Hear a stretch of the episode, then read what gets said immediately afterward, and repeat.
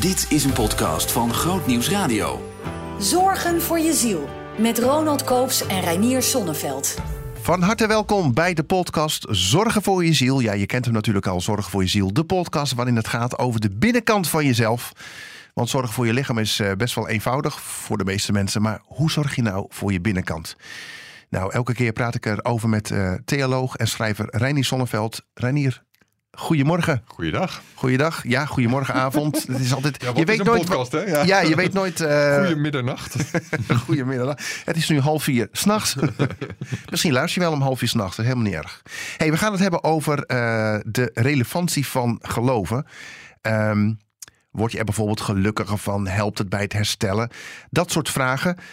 Ik vind het wel weer een typisch uh, onderwerp uit deze tijd. Van wat is de relevantie ervan? Wat heb ik eraan? Weet je wel? Is het niet een beetje een egocentrisch onderwerpje?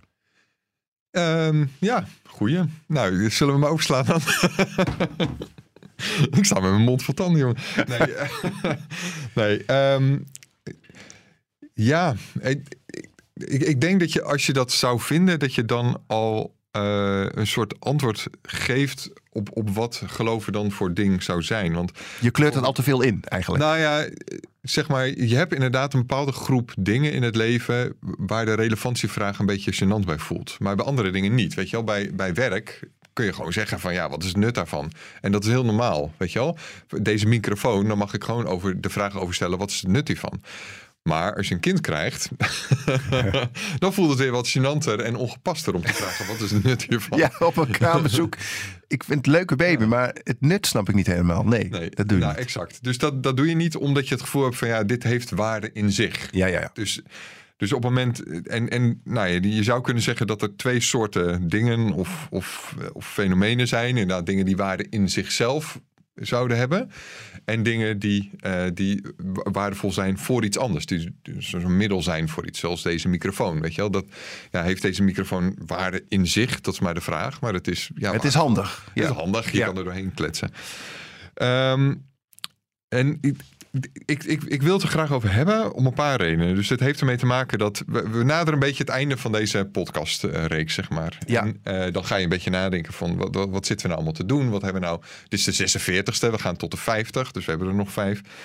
Uh, wat hebben we nou de 45 hiervoor gedaan? En uh, we doen het voor... wat was het nut daarvan? Nou ja, wat, wat hebben we nut nou, We krijgen regelmatig reacties van luisteraars ja, hoor. Ja, ja, dus dat is mooi. Ja. ja. nee, zeker. Um, maar, maar ook wel van wat, wat gebeurde hier nou? We doen dit voor een christelijke radiostation bijvoorbeeld, hè, Groot Nieuwsradio. Maar niet alle onderwerpen valt het woord God. En niet alle onderwerpen gaat het expliciet over geloof. Weet je wel? Dus het gaat, en het heet ook zorgen voor je ziel. En ziel is niet een specifiek gelovig, nee. uh, gelovig woord. Uh, en voor sommige onderwerpen voelt het ook een beetje er bij de haren bijgetrokken. Um, dus dat is een van de redenen waarom ik erover ben gaan nadenken. Ik, ik had laatst een discussie met iemand die, um, die zei van ja, als je wil genezen moet je naar de kerk. En toen zei ik nee, als je wil genezen moet je naar het ziekenhuis. Dat die heeft echt een duizend keer grotere uh, uh, rate, genezingsrate. Weet je wel? Ja. Dat gebeuren. Ik geloof wel dat er. Uh, en ik ken er ook goede verhalen over, over genezingen. Maar dat, dat zijn er bij spreken 10, 20, 30 in een Dat zijn jaar. de uitzonderingen, zeg maar. Dat zijn de uitzonderingen. En in de ziekenhuizen genezen honderdduizenden per jaar. Weet ja, je wel? Ja. Dus het. Um, en, en dat stelt wel serieuze vragen uh, aan het, het, nut van geloof. En ik denk dat dat de reden is waarom uh, mensen ook afhaken uiteindelijk. Weet je wel, het gaat minder over de, de vraag: is het wel waar? Bestaat God wel en dat soort dingen? Mhm. Vaak denken mensen wel van ja, het zou kunnen. Of, maar de kwestie is, ja, ik, het, het maakt niet zoveel verschil in mijn leven. Um, nou ja, dat, dat is denk ik de reden om toch die vraag maar te stellen. Ja, wat is de relevantie van geloven? En mensen zijn ja. misschien ook een beetje moe van grote woorden. En wij hebben het en wij snappen het.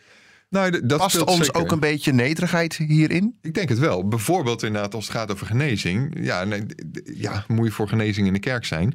Nou ja, in de meeste gevallen is, is, de, is dat niet het handigste antwoord, zeg maar. En niet het meest effectieve antwoord. Ja. En dat klinkt, ja, ik weet niet, voor sommigen klinkt dat vreselijk logisch. En anderen klinkt dat schokkend en bijna blasfemisch. Maar voor genezing moet je in eerste instantie bij een arts zijn. Ja. Zeg maar dat, dat is de weg die we doen. En nou ja, om een ander voorbeeld te geven. Ik sprak laatst uh, een, een jonge vrouw. En die zei, Jezus is het antwoord op, op alle vragen. En eh, dus ik vroeg, eh, alle vragen? Ja, dan moet je daar theoloog vragen? Reinier tegenover je hebben. Maar goed, dat is dan wel Maar jammer. zij, voor- zij, weet je wel, ze, ze proefde nog geen onderraad. maar, eh, maar ik ben natuurlijk een beetje ondeugend. Dus ik zei dingen als van, joh... Maar, en dus als ik dan vroeger een repetitie eh, invulde... dan moest ik eigenlijk overal Jezus invullen. En dat was dan het goede antwoord. nou ja, Ah, Reinier. en dat, nee, dat vond ze dan flauw. Ja, dat is ook flauw. Maar mijn punt is dan, van, maar wat bedoel je nou als je dit zegt? Ja, Jezus is het antwoord op alle grote, levens, alle grote levensvragen. Ik zei, oké, is dat nou echt zo? Want als ik bijvoorbeeld wil weten wat voor beroep ik moet doen... Ja, daar, ik geloof niet dat ik daar bij Jezus... Dat vind ik echt een levensvraag. En ik geloof niet dat ik daar bij Jezus een antwoord op vind. Ja, nee, maar ik bedoel... de Maar, hij zal, maar, maar dan zal die vrouw ook zeggen, en terecht, maar Jezus wil ons toch leiden? Ik bedoel, of, of hoe sta je daar dan in? Ja, nou ja, maar in, in- in veel gevallen is een beroepskeuzetest dan een handiger eh, optie dan bidden. Ja, ik, ik, ik bedoel het niet blasfemisch, maar dat is, en dat is ook in de meeste gevallen hoe we dat doen, zeg maar. En geval, eh, toen ik met haar ging doorvragen, kwam het er uiteindelijk op neer van ja, ja, Jezus is het antwoord op de vraag eh, of ik eeuwig leven heb en of ik genezen ben. En dat vind ik dan zelfs weer wat mager, moet ik Ja, ja zeggen. want dan denk je nou, oké, er is ook wel wat meer inderdaad. Ja. Maar mijn punt is, vrij snel zit je van antwoord op alle vragen naar het antwoord op twee vragen. Ja. En, eh, en dus eigenlijk, eh, het, ja, het, het was gewoon niet waar wat ze zei in eerste instantie. En, en, dat, en dat gebeurt vaker, weet je. En ik, ik ben natuurlijk veel bezig geweest eh, met het onderwerp manipulatie. Weet je, de figuren die manipuleren hebben altijd grote taal over dit en dit is het wondermiddel, dit is het antwoord op alle vragen. Heel wervende gemeenschappen, heel succesvolle gemeenschappen hebben grote taal. Weet je wel, Ja. wij hebben het antwoord. Maar vervolgens ook grote teleurstellingen. Ja, Want er komen, er komen massa's mensen die denken: oh ja, nu, ja, ik, ik, de hele tijd is er al iets in mijn leven. En het, het, het is maar ploeteren en, en eh, aanrommelen. ja, en hij heeft het antwoord Hij heeft kennelijk. Het antwoord kennelijk. En je voelt je een paar maanden inderdaad heel happy. En dan denk Ja. je toch van ja, nou, nee, ik zit nog steeds met het gedonder. En het is nog steeds niet leuk met mijn vrouw. En, en mijn kinderen zijn nog steeds zagrijnig. En, en ik heb nog steeds geen werk. En hup, mensen haken weer af. Ja. Dus het is, weet je wel, er wordt in christelijke kring denk ik te veel gebluft, om het zo maar Ja. te zeggen. Gewoon te grote taal gebruikt. Te veel gemanipuleerd daarmee. En ook daarmee te veel ge- teleurgesteld. Dus mijn, mijn intuïtie is, jongens, we moeten, laten, we, laten we bescheiden blijven als het gaat over geloven. En het, en het nut daarvan. Dan even in alle bescheidenheid. Dat is dan de toon die we moeten hebben, denk ik ook. Ja, denk Eh, maar ja. in alle bescheidenheid en, en kleine woorden. Wat is geloven dan eigenlijk? Laten we het daar dan eerst even over hebben. Ja, nou ja, ja dat is een goede vraag. Ik, ik ben, eh, ik, ik ben eh, in, het, eh, ik, in het Grieks gedoken. Dus we gaan eens even ik ga een lesje Grieks doen. En ook Romeinse tijd. Hè. Je, je weet, het Romeinse Rijk was het grote wereldrijk in de tijd van Jezus. En de, het Engels van die tijd, dus waarmee je communiceerde, was Grieks. Oké. En om te begrijpen wat geloven is, moet je, ga ik een beetje een raar woord introduceren, maar dat helpt wel. Dat is het pat- patronage of het patronagesysteem. Wat is dat dan? Nou, Oh, dat ga je natuurlijk uitleggen. Dat- Ja. ja, ik ben altijd wat snel Kijk, van woorden. Ja. Nou ja, wij, wij, eh, wij ordenen onze maatschappij zeg maar in huishoudens. Hè? Weet je, je hebt een huisje en er woont een gezinnetje of een single. En, Ja. en, en, en nou, zo, zo denken wij. Eh, een Romein dacht in een patroon. Eh, met een aantal cliënten of een soort entourage daaromheen. En een patroon Als een soort leefgemeenschap of zo. Of, of, ja, eigenlijk wel. Dus een patroon is wat in de Bijbel, eh, wat in het Grieks dan Kyrios heet, wat ook wel vertaald wordt met heer. Oh ja. En je moet daarbij denken bijna altijd aan een man, heel soms een vrouw. Dus Lydia was bijvoorbeeld een patroon, de eerste Europese gelovige in de Bijbel. Dat was bijvoorbeeld een patroon die, die dan toevallig eh, vrouw was. Maar het is een soort pater familias figuur, eh, die tegelijk huisvader, of de, de vader van het gezin is, maar ook een soort baas. Een soort Godfather of zo. ook. nou, Godfather is een heel. Dat, dat is Ja. echt een leuke. Dat is echt een goede vergelijking. Want dat is eigenlijk een van de enige situaties in onze tijd. wat, wat het er nog het meest op lijkt. ja, maar dan moet ik ook een beetje aan die Italiaanse maffia-families Ja, nee, denken, zeg maar. Ja, Ja, nee, zeker. Maar d- daar lijkt het heel goed. Daar lijkt Dus- het wel op. Dus dat is een figuur die, die zijn hele familie om zich heen heeft. Die woont in een villa. En daaromheen zit er nog weer een hele groep slaven. Dat is Ah, het heel ja. kort gezegd. Alleen wat je bij de maffia ook ziet, is dat die mensen die, die moeten heel loyaal zijn aan die figuur. En daarvoor geeft hij gunsten terug. Nou, dat doet een patroon. Dus hij heeft allemaal mensen om zich heen. Zijn vrouw, zijn kinderen, eh, zijn ouders. eh, weet je wel. En, en daaromheen nog weer die slaven. Die moeten hem loyaal zijn. Dus klussen voor hem doen, simpel gezegd. Ehm, en dan geeft hij gunsten terug. Nou, die, die loyaliteit, die noem je pistis. in het Grieks. En dat is wat vaak met geloof wordt vertaald. Ah, Oké. Dus dat is loyaliteit aan een heer. En wat geeft hij terug? Dat is gunsten, charisma.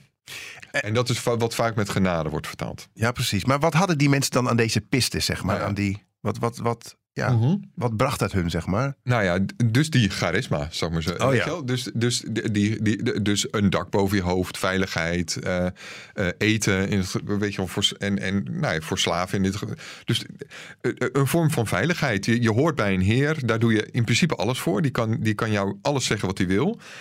Ehm, en tegelijk is ook dit, want dat, dat is misschien wel een beetje het thema van deze podcast, is dat ook voor een deel bescheiden. Want ja, je hebt er heel veel concreets aan.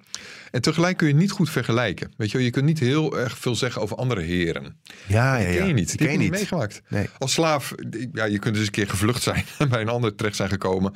Maar je, weet je, wel, je, Nee. kan, je weet iets over je buren, zou ik maar zeggen. Maar je kunt heel weinig. Het is geen jobhoppen of zo, hè? Zoals in deze tijd. Exact. Je Nee. kunt heel weinig universeels zeggen.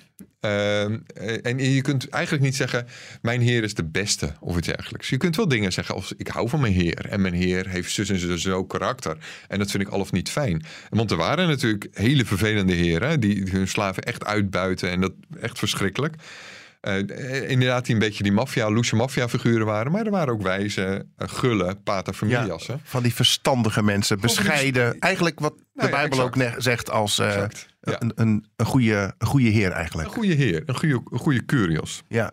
Hey, en kun je dat nou vertalen met het christelijk geloof? Hoe, hoe, hoe moet je dat dan zien? Nou ja, inderdaad. Het christelijk geloof. Wat, nou ja, bijvoorbeeld als je meteen de eerste preek zou je dat kunnen noemen. Dus meteen met Pinksteren, 50 dagen na de opstanding van Jezus, houdt Petrus een preek. En die eindigt met een van de meest verbijsterende zinnetjes, eh, zou je kunnen zeggen, die in die cultuur mogelijk was. En mensen reageren er ook met verbijstering op. Weet je wel, van wat is dit en hoe kan dit? En wat zegt hij namelijk? De hoogste Curios is Jezus en wij hebben hem gekruisigd. Wow. En dat kun je in deze context, weet je wel. Dus iedereen heeft een eigen beschermheer, een patroon. Eh, en, en, en, en ook die eigen, al die patronen hadden ook weer zelf patronen en beschermheren. En de hoogste daarvan was de keizer. En, Oh, het was ook een heel, een, een, Een heel een getrapt hiërarchisch systeem. Exact, heel getrapt en hiërarchisch. En daarbovenaan stond de keizer als de heer der heren. Ja, ja, ja. ja. Eh, en nu zegt Petrus dus twee, twee vrij schokkende dingen. Hij zegt daar, daarboven is nog een heer. En, en ik zal jullie de naam vertellen, dat is Jezus. En wij hebben hem gekruisigd. Nou ja, dat is een soort, ja, weet je wel, dat is volkomen ondenkbaar, zeg maar. Weet je? Ja. Op het moment dat je, ja, dat is, ja, hoe, hoe, hoe, moet, je dat, ehm, hoe moet je dat vertalen? Ja, zo, misschien zou je kunnen zeggen, zoiets zeg je gewoon niet. Nee, nee, het is echt ondenkbaar, zeg maar. Want het, weet je, het, het is, het, is, het is zo. ehm, ja, een heer, wat doet hij? Die zit op een troon, zeg maar. Weet je wel? En die, en die, en die biedt je respect en loyaliteit. En die pistis waar we het over hadden. Nou ja, en, en later in de Bijbel wordt het beeld eigenlijk nog, nog ehm, dwarser en schokkender. Want dan op een gegeven moment zit je in openbaringen. En door, het, door openbaring heen gaat het regelmatig over de troon van God. Je krijgt een soort symbolisch inkijkje in de hemel. Dus een hele mooie gro- grote gouden troon waar God op zit. En daarnaast staat een geslacht lam. Die symbool is voor Jezus. Ook dat is weer oké, weet je wel. Dus de hoogste adviseur van de hoogste heer is blijkbaar een geslacht lam. En een geslacht lam, dan moet je... Ja, dat, dat ziet er niet uit, weet je wel. Nee. Dat is dus echt een lam met, met een flinke mm, haal door zijn, door zijn Ja. strot heen. Ja. Dat is echt, echt een lomp, eh, heftig beeld. En dan helemaal aan het einde, dus in een van de laatste versen van de Bijbel... zit dat geslachte lammetje zelfs op die troon. Dus op de, Ja. de allerhoogste plek van het heelal, zou ik maar zeggen. Dus de, waar, waar alle macht samenkomt, zit Ja. een geslacht lammetje. Ja, dat is zo... ehm, eh, ja, als je niet beter wist, zou je zeggen dat is blasfemisch, weet je wel. Dat is zo dwars. Het is, is het een beetje het gevoel... Ja, ik zit te denken wat, wat in onze tijd een beetje het gevoel uitdrukt. Het is zoiets Ja. als de gouden koets, waar, waar die dan rondrijdt en mensen ontdekken dat daar het kerstkonijn eh, in, in zit of zo. Ja, Of ja, zoiets. ja, ja, ja. Iets wat totaal niet kan. Lomp en een beetje horrorachtig ook. En ik denk van, hè, weet je wel, wat? Wat? Ja, En dat, dit was de kern, het kerngeloof van de christenen. Hè? Dus Jezus is Heer, Jezus is beschermer, Jezus is Curios, Jezus is onze patroon. Dat is de kernbeleidenis van de vroege christenen. maar als dat nou het beeld is wat je schetst, wat, Ja. wat zijn dan, trek dan de lijnen door naar nu. Wat, wat zijn daar dan de gevolgen van Nou ja. uiteindelijk? Op het moment dat je zegt dat de hoogste Curios, dus de, de, de, de macht van het heelal, dat die gekruisigd is, dan zeg je dus bijvoorbeeld zoiets als mijn Heer kent mij in mijn diepste ellende, bijvoorbeeld. Dus het is niet een heer die soort van afstandelijk een beetje, eh, een beetje de dingen regelt. En die je ook niet kent uiteindelijk, want de afstand is dan veel te groot natuurlijk. Het is bepaald geen uh, ivoren toren Nee. heer, maar Nee. zeggen. Het is iemand die, die tot het allerdiepste is gegaan. En, en er is geen plek waar die, wat hij niet kent, zou ik maar zeggen. Weet je wel? Het is niet, de, nou ja, er wordt tegenwoordig veel gepraat over de kloof tussen politici en, eh, en Burgers, ja. En burgers. Nou ja, dit is het omgekeerde. Dus het is, nou, het lijkt er wel een beetje op alsof ehm, Mark Rutte eh, nou ja, echt een man van het volk zou zijn geweest. Of Ja. als Mark Rutte nu een hele nare ziekte zou meemaken.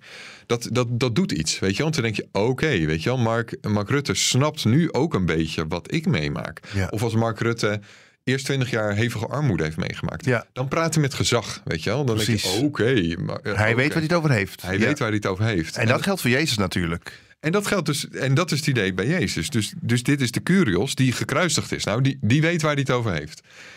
En, en het andere wat je dan weet is, hij kan tegen een stootje. Want hij heeft dit, hij heeft dit doorgemaakt en hij, is doorge, hij heeft het Hij heeft, overwonnen. hij heeft maar overwonnen, ja. Of nog weer anders gezegd, je kunt een potje bij hem breken. Want, want weet je, hij is niet... Hij, hè, Petrus zegt in die eerste preek waar ik het over had, zegt wij hebben hem gekruisigd. Dat is nogal een, dat is Ja. nogal een statement. Maar die Jezus is niet teruggekomen om wraak te nemen. Eh, dus het is niet eh, wat een heel logische reactie zou zijn. Weet je wel, je gaat hem, ja, je gaat hem doodmartelen en hij komt terug. En het eerste wat hij zegt is shalom. vrede. ja, bizar wacht even, weet je wel. Ja. Dat, Ja. dat, is, mis- dat is een van de meest schokkende dingen uit de Bijbel. Zeg maar. Weet je, hij wordt doodgemarteld, hij komt terug. Hij kan, nu, hij kan ze eindelijk terugpakken. Hij kan eindelijk de boel rechtzetten. En het eerste wat hij doet is... Het is alleen maar shalom dit en shalom dat. En ook alleen hij kan alleen maar zeggen, die prachtige woorden, het is volbracht. Dat Exact. kan alleen hij zeggen. Exact, hij mag dat zeggen. Ja. Eh, dus hij kan het, weet je, hij is overal in geweest, zou ik maar zeggen. En hij is ook overal uitgekomen. Zoiets. Ja. Dat, dat is als het ware de, de, de christelijke kernbeleid is. En ik denk dat het heel spannend is. Het, het, hij, het stelt overal vragen bij. Hè? Want op het moment dat. ehm, eh, op het moment dat dat je beeld van macht is, dus niet een soort waardige koning met, een- met een gouden scepter en die een beetje statig eh, door, door- zijn Ja. paleis eh, schokt, ja, dat bevestigt macht. Maar op het moment dat je beeld van macht is een geslacht lammetje, dus met een, met een doorgesneden strot, ik, Ja. ik zeg het maar zoals, zoals het beeld is, ja, dan ga je bij elke vorm van invloed die je altijd hebt, weet je wel, die ook wij in deze eh, podcast op dit moment hebben, maar die je ook als ouders hebt of als, zelfs als kinderen. Iedereen heeft een vorm van invloed. En dan kun je overal een vraag bij stellen. Ja. Dus ik begon met van ja, Jezus is het antwoord op alle vragen. Nou ja, het, het beeld is eerder een vraag. Het stelt een vraag. Is dit nou de manier? Juist. Hoe, hoe, hoe, hoe, hoe besteed jij je aandacht? Ja. En hoe besteed jij je invloed? En eigenlijk laat Jezus zien van echt leiderschap, echte macht, is ook dienen. Ik doe, moet me ook even denken aan die voetenwassing bijvoorbeeld. Nou, bijvoorbeeld. dat is echt leiderschap, dat is Exact. echte macht. Dat jij anderen gaat dienen. Exact. Je En dan zegt Jezus, aanleunen. Doe, maar doe jij ook zo. Ga, Exact. Doe dat ook. Ja. Ja. Je hebt, je hebt sk- skin in the game, is, is de Engelse uitdrukking. Hè? Dus je, Ja. je, je, gaat vol in, de, de, de, de- je gaat er vol in. Vol in. Ja. Hey, eh, om mee af te ronden, na dit allemaal gezegd hebben, wat is dan uiteindelijk de relevantie van het christelijk geloof? Nou ja, eh, Even met dit beeld. ja nee, in ons zeker. achterhoofd, Dus hè? ik, ik denk dus sowieso ga je bescheiden spreken. Weet je, wel. ik, Ja, ja, je kunt denk ik niet goed universeel zeggen: dit is de beste heer of iets dergelijks. Zoals je dat ook niet van een Curios vroeger kon zeggen.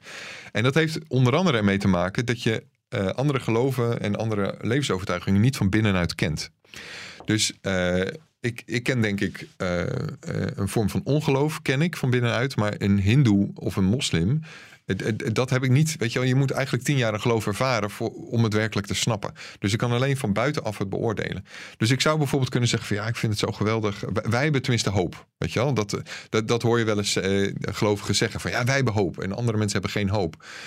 En dan denk ik, ja, dan, heb je, dan ken je die andere mensen niet. Want één, ze zeggen wel degelijk dat ze hoop hebben. ze Ja. ervaren heel veel hoop. Ze hebben hun eigen redenen voor hoop. En in heel veel gevallen vinden ze hoop niet zo belangrijk. Dus dan is dat helemaal niet een soort pre of zo. Nee. Nou en, zegt ze dan. Ja, het is prima dat het leven zinloos is. Ja, maar dat doet me ook een beetje denken aan die vrouw die je sprak. Jezus is het antwoord. Dat iemand zegt, ja, maar Nou, op, op ja, welke vraag? Ja. op welke vraag? Nou ja, Ja. exact. Ja. En, eh, en dat is wel heel vaak zo dat we het geloof profileren op iets wat, wat, wat bij de ander helemaal geen, geen, eh, geen vraag is. Dus dat maakt, denk ik, dat je, dat, je, dat je voorzichtig moet zijn. Maar, ik denk, maar wat je dus wel kan zeggen, dus je moet niet snel iets universeels zeggen, denk ik. Maar je kunt wel op een persoonlijke manier jouw ervaringen met deze Curios, met deze Heer, uh, die kun je daar iets over vertellen. Nou ja, en dan is één vanuit dit beeld is dus een van de dingen die je denk ik kunt zeggen van, nou ja, ik heb mijn Heer ervaren als iemand die mij door en door kent. Ik heb mijn Heer ervaren als iemand bij wie je nogal een potje kunt breken, die nogal ergens, die nogal tegen een stootje kan. Uh, en ik heb mijn Heer ervaren als iemand die overal vragen bij stelt. Bijvoorbeeld, dat, dat kan je persoonlijke ontmoeting uh, met deze Curios zijn. En dat kan een eigen kracht hebben. En dat kan een eigen betekenis hebben in jouw leven. En tegelijk kun je dat niet voorspellen. Ik kan niet tegen jou zeggen van nou, als jij nou maar in uh, deze Curios gaat geloven, dan word je gelukkig of iets dergelijks. Je kijkt er ook heel streng bij. ja, omdat, weet je, ik, nou sowieso, in het, specifiek als het gaat over die claim van geluk. er, is, er, worden, er zijn hele grote onderzoeken geweest over het effect van geloof op geluk. Uh, en dat, het verschil is ongeveer 3%. Dus uh, heel religieuze mensen zijn ongeveer 3% gelukkiger dan niet religieuze. Oh, dat is niet heel veel. Ja, het is een beetje. Het, is een beetje, um, uh, het hangt, er maar aan, hangt er maar aan hoe je het bekijkt. Want het is inderdaad niet zoveel, 3%. En tegelijk, nee. dit is ook het verschil, 3% tussen weduwnaars en weduwen en getrouwde mensen mensen met een vaste relatie. Dus nou ja, in die zin ja. is het ook wel weer, is het, dat is ongeveer ook weer het verschil. En tegelijk denk ik, ja, je kunt dat, dat gaat over groepen. Hè? Dus een onderzoek over honderdduizend mensen. Ja, dat kan ik nooit voorspellen over een, een persoonlijk verhaal nee. van iemand. Dus ja. Eigenlijk zeg jij, als ik het samen mag vatten, ja. probeer niet andere mensen met argumenten te overtuigen, of, maar hou het ook persoonlijk. En zeg van, persoonlijk. ik kan het niet goed uitleggen, maar dit is, dit is wel de vrede of zo die ik ervaar. Of dit is bijvoorbeeld, de vrede of, of, wat dan ook wat je, wat je ja. ervaart. Uh, en je kunt daar, dus er ligt denk ik in die ontmoeting met God, met het christelijk geloof, met dat verhaal en de verhalen van de Bijbel, ligt een enorme potentie, zou ik maar zeggen, en enorm veel mogelijkheden. Alleen je kunt niet voorspellen en afdwingen wat dat in een specifiek leven wordt. Ik denk dat dat het meest um, samengevat is wat ik over te zeggen heb. Ik vond het mooi, Renier. Ik vond het okay. mooi.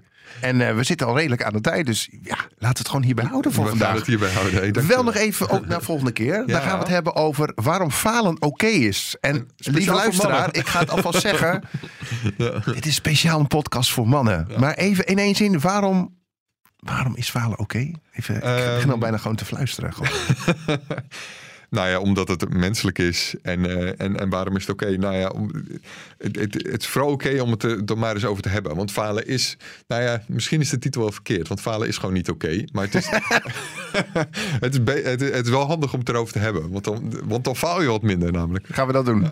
Tot volgende week. Zien in nog een podcast? Luister naar Zorgen voor je ziel. Via grootnieuwsradio.nl slash podcast.